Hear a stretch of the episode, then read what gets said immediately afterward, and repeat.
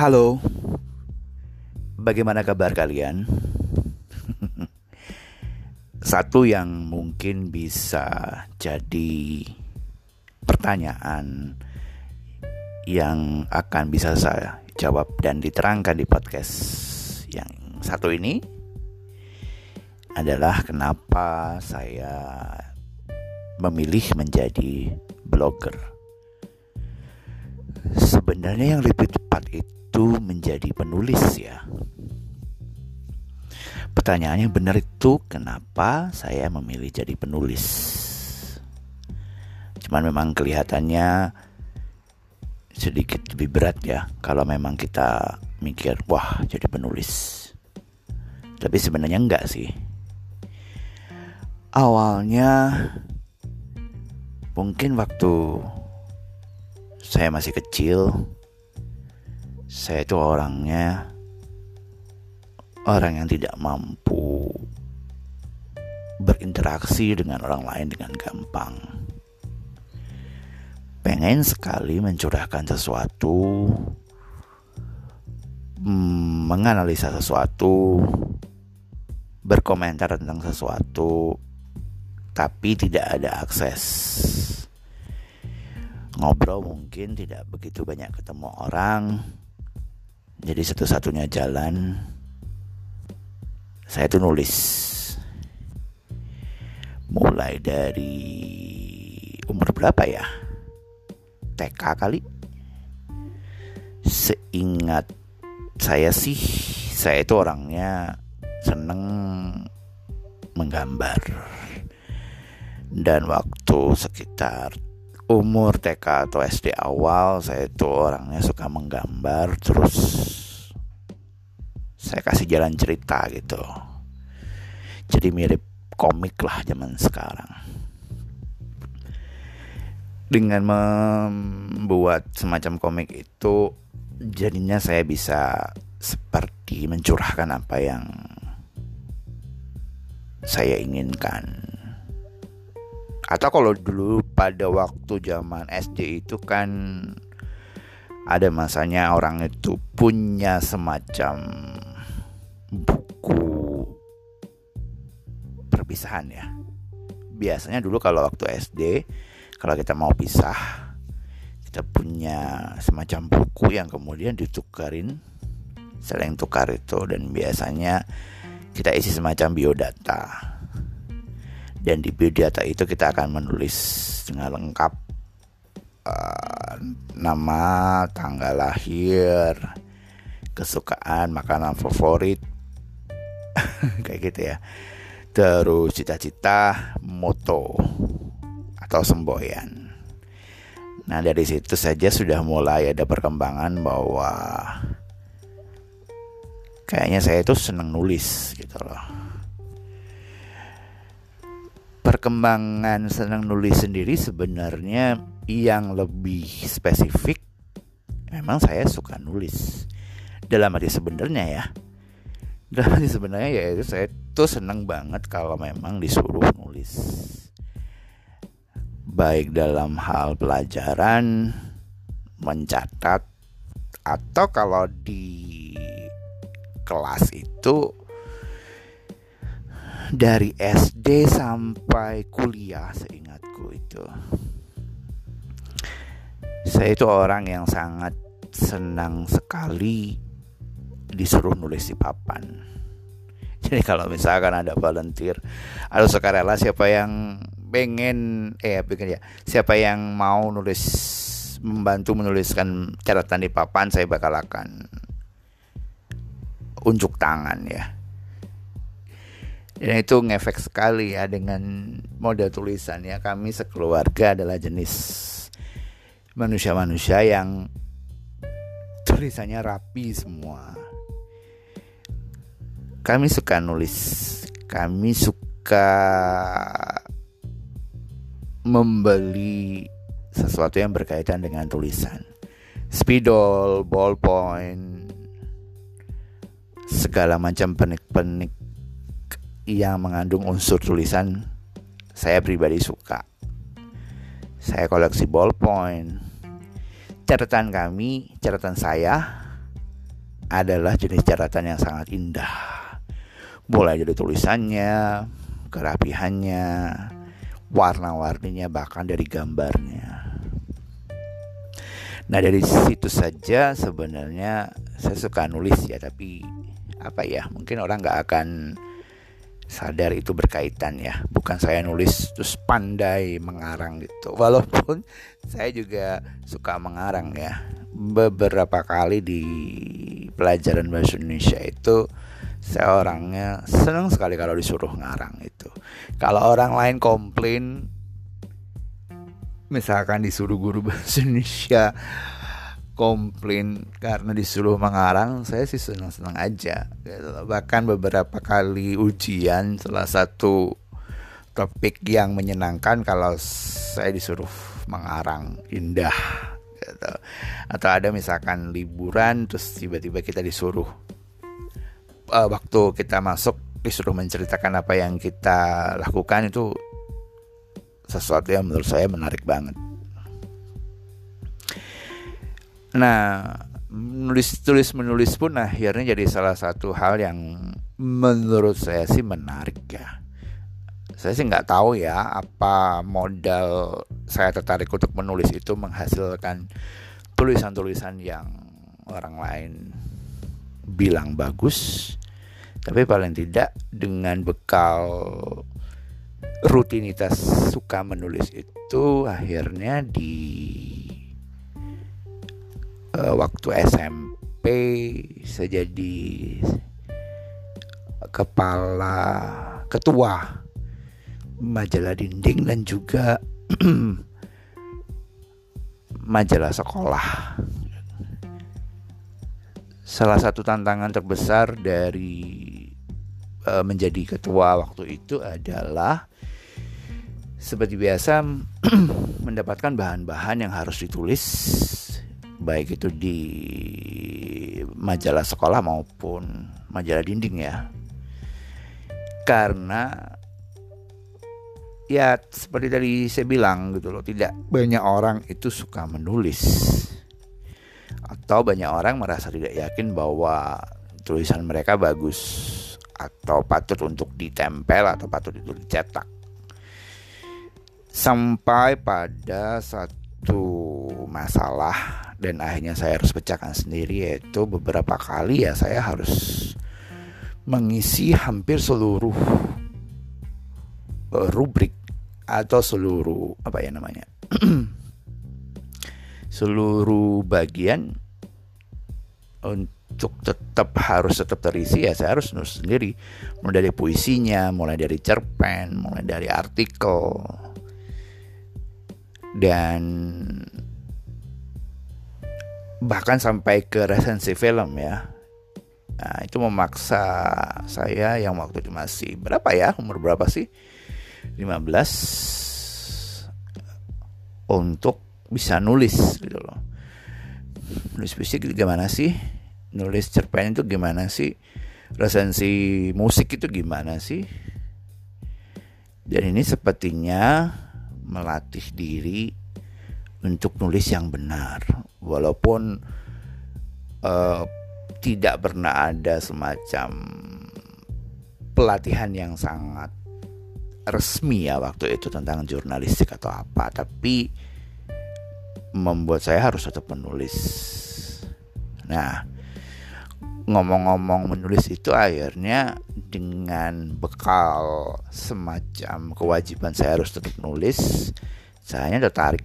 Akhirnya saya tertarik untuk membuat semacam cerpen lah tulisan-tulisan yang kadang-kadang tidak pernah terpikirkan ya. Saya lebih sering menganalisa orang sering melihat kejadian-kejadian yang tidak bisa saya ceritakan dan satu-satunya jalan ya dengan cara menulis hingga di usia yang sama di SMP akhirnya saya mengenal yang namanya mesin ketik. Nah, urusan mesin ketik ini juga punya cerita yang panjang ya. Karena dulu waktu bapak masih ada sehat, beliau itu punya kantor di rumah dan beliau juga mempekerjakan semacam sekretaris laki-laki ya bapak-bapak di rumah untuk membantu dia menangani masalah administrasi. Nah, Pak ingat aku namanya Pak Bas, Pak Bas, Lek Bas aku manggilnya.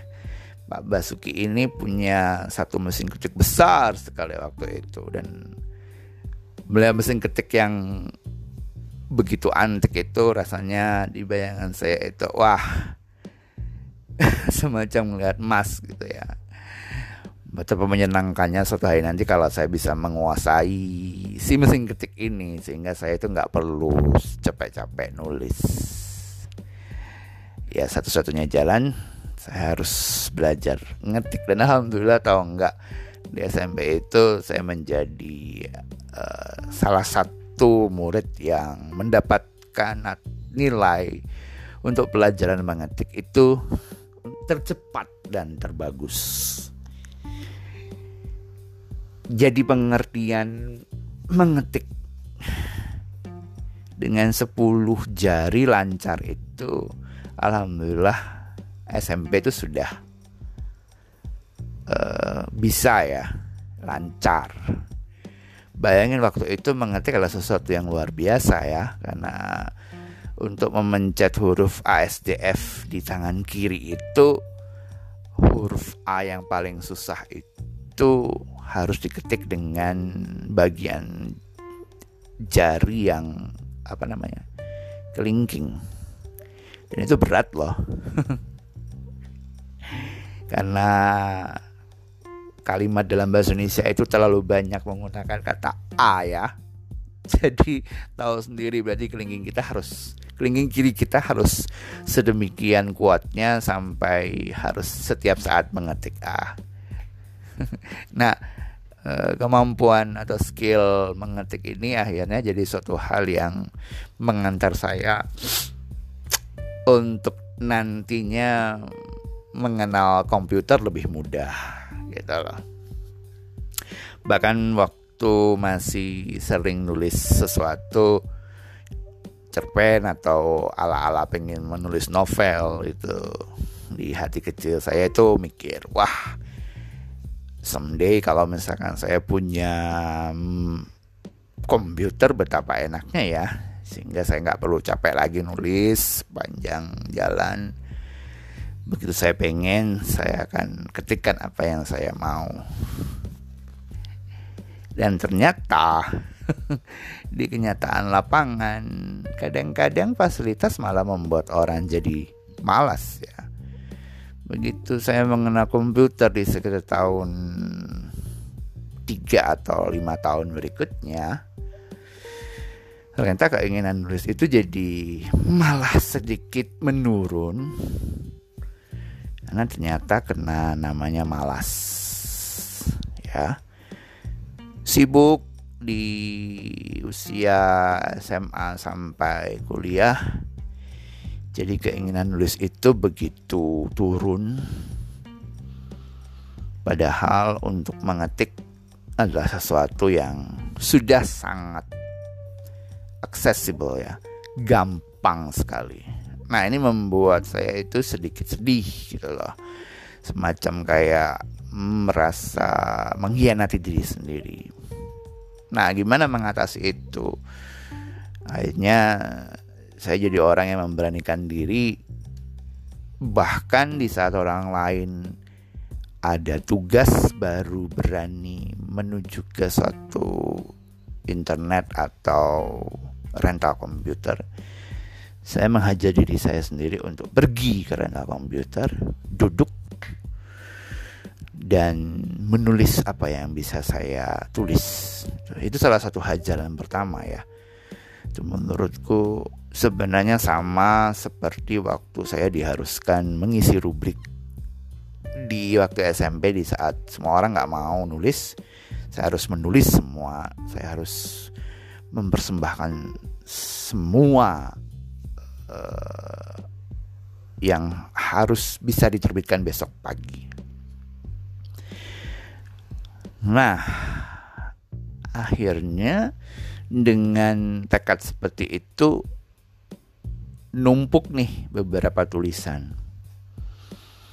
Tapi ini juga tidak menghentikan saya untuk nulis dengan uh, pakai ballpoint sendiri ya, karena ada kalanya komputer itu juga bukan sesuatu yang waktu itu gampang secara memiliki ya. Kalau pinjam bisa. Tapi kalau misalkan beli masih belum mampu. Jadi satu-satunya jalan saya kembali ke masa dulu yaitu mencoba menulis di saat saya pengen dan itu masih berlaku. Saya selalu punya buku, bahkan waktu di perkuliahan saya punya buku namanya Bisik-bisik Tetangga. Di situ adalah salah satu buku yang uh, intinya saya nulis apa yang saya inginkan. Saya nulis apa yang saya lihat dan saya tulis apa yang saya rasakan. Kemudian buku itu nanti akan dibawa pulang oleh siapa saja dan orang-orang bisa menimpalinya atau meresponnya atau menjawab pertanyaan yang ada di situ. Mirip Facebook lah ya. di tahun sekitar 95 atau 96 saya menciptakan buku bisik-bisik tetangga itu. Nah, dengan pengertian itu sebenarnya jiwa tanda kutip kepenulisan saya belum selesai ya masih ada lah walaupun sepercik singkat cerita waktu uh, mulai bekerja beberapa tahun kemudian ya tetap ya saya dihadapkan pada sesuatu yang berkaitan dengan kepenulisan. Misalkan waktu kerja di radio waktu itu saya lagi di Trijaya Jember ya saya harus menuliskan beberapa yang berkaitan dengan news. Itu pun juga harus dengan nulis. Kepekaan nulis itu juga harus dituntut karena saya harus tahu siapa yang ada di dekat saya berita apa yang ada di sekitar saya dan itu mengharuskan saya itu ngetik duduk dan menuliskan apa yang ya harus saya tuliskan. Cuman untuk menjadi freedom of uh, writing itu waktu sudah beberapa tahun banyak waktu yang tersedia ya. Makanya akhirnya saya menjadi blogger gitu loh. Dulu waktu bertemu dengan teman saya Mbak Re dia kayaknya mengamati saya itu suka nulis. Terus dia bilang, "Kenapa tidak kamu jadi blogger aja?" Di satu sisi kamu bisa menjadi seorang penulis yang ajak, rutin, reguler. Dan di satu sisi si kemampuan nulis ini juga akan terasa plus blogger itu kan juga menghasilkan uang ya. Dan waktu itu hmm, terdengar kayak oh iya? Gitu loh gitu. Maksudnya tidak pernah terpikirkan kadang-kadang bahwa menulis secara rutin di suatu platform itu akan menghasilkan sesuatu. Bahkan duit. Tapi ya ternyata terjadi. Dengan kecanggihan teknologi dulu saya sebenarnya rutin nulis itu di Facebook ya. Notes kalau sekarang juga masih ada. Tampilannya bahkan sekarang lebih keren ya karena mirip dengan blog akhirnya saya berani memulai. Sangat-sangat terlambat sih kalau aku bilang. Tapi ya tidak ada kata yang terlambat. Cuman dengan nulis yang teratur jadinya semacam apa ya rutinitas yang sebenarnya bisa me mengisi menulis itu seperti orang yang uh, ada keinginan kita itu me menggambarkan kejadian yang ternyata berbeda dengan kalau kita tuliskan dengan kalau kita omongkan. Beda banget dan itu tidak bisa terjelaskan kenapa. Makanya adanya podcast ini juga kadang-kadang membuat saya itu jadi ya, membuat sempurna uh, segala sesuatunya. Ada orang yang ternyata uh, audio ya audible. Dia senangnya menceritakan sesuatu dia mendengar sesuatu dia melihat sesuatu. Tapi ada orang yang memang hmm, secara khusus melibatkan indranya, indra penglihatannya, memahami tulisan, membiarkan dirinya me membaca dan kemudian meresapi. Terus yang lebih hebat dari membaca tulisan itu adalah membiarkan pikiran kita itu menciptakan sesuatu yang lebih besar daripada sekedar audio visual. Itu yang kabarnya menurut teman-teman kenapa tulisan saya salah satunya uh, disuka. Kalau saya sendiri sih nggak bisa mengklaim tulisan saya bagus ya.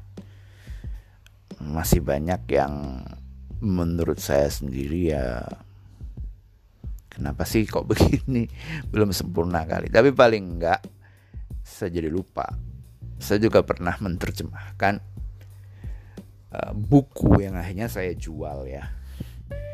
Proyek buku ini juga sangat panjang karena perlu tujuh tahun untuk menerjemahkan dan kemudian mengedit sekali lagi menerjemahkan secara bahasa uh, orang Indonesia awam dan akhirnya terakhir sekali saya harus berani menerjemahkannya menjadi sesuatu yang orang lain akan praktekkan. Bukunya sendiri sih berkaitan dengan tarot ya. Dan akhirnya saya melahirkan satu buku. Sebenarnya buku kedua sih.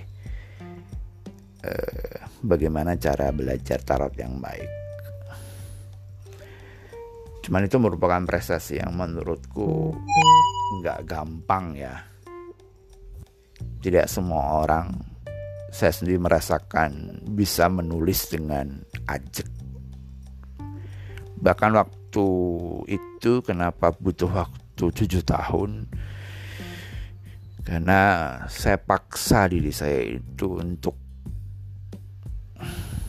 bangun pagi menulis jam 10 pagi.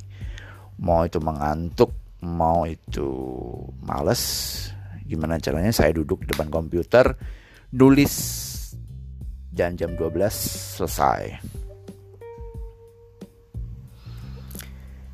Jadi kesimpulannya memang menjadi penulis atau blogger bagi saya sudah semacam love and hate ya. Love karena saya nulis memang senang. Saya senang sekali menggambarkan sesuatu dengan kalimat baik itu yang paling simple dengan status, dengan uploadan di berbagai medsos, hate karena memang ada beberapa pekerjaan yang mengharuskan saya itu nulis. Dan itu nggak gampang. Hate itu bukan benci bahwa saya benci nulis ya tapi ternyata ada satu sisi yang kalau kita tidak dipaksa kita tidak akan menghasilkan sesuatu yang ya nggak disiplin gitu ya dan itu membuat saya yakin bahwa dengan imbangnya love and hate itu suatu hari nanti kita akan menghasilkan sesuatu yang imbang ya. Tulisan kita jadi sesuatu yang bebas, indah, tapi juga terpelajar plus bisa dinikmati oleh berbagai kalangan sesuai dengan tujuannya masing-masing.